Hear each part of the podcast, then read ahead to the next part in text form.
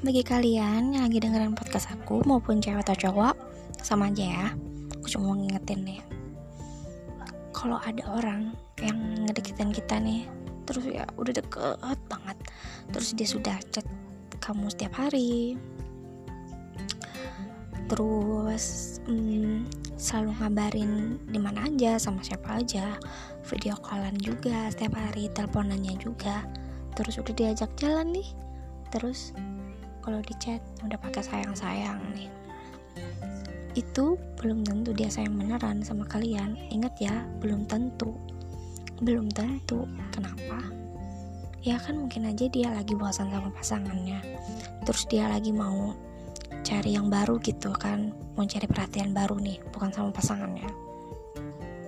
Kan bisa aja. Jadi kan belum tentu ya. Inget belum tentu orang yang dekat sama kita yang terdekat banget itu sayang tulus sama kita itu belum tentu.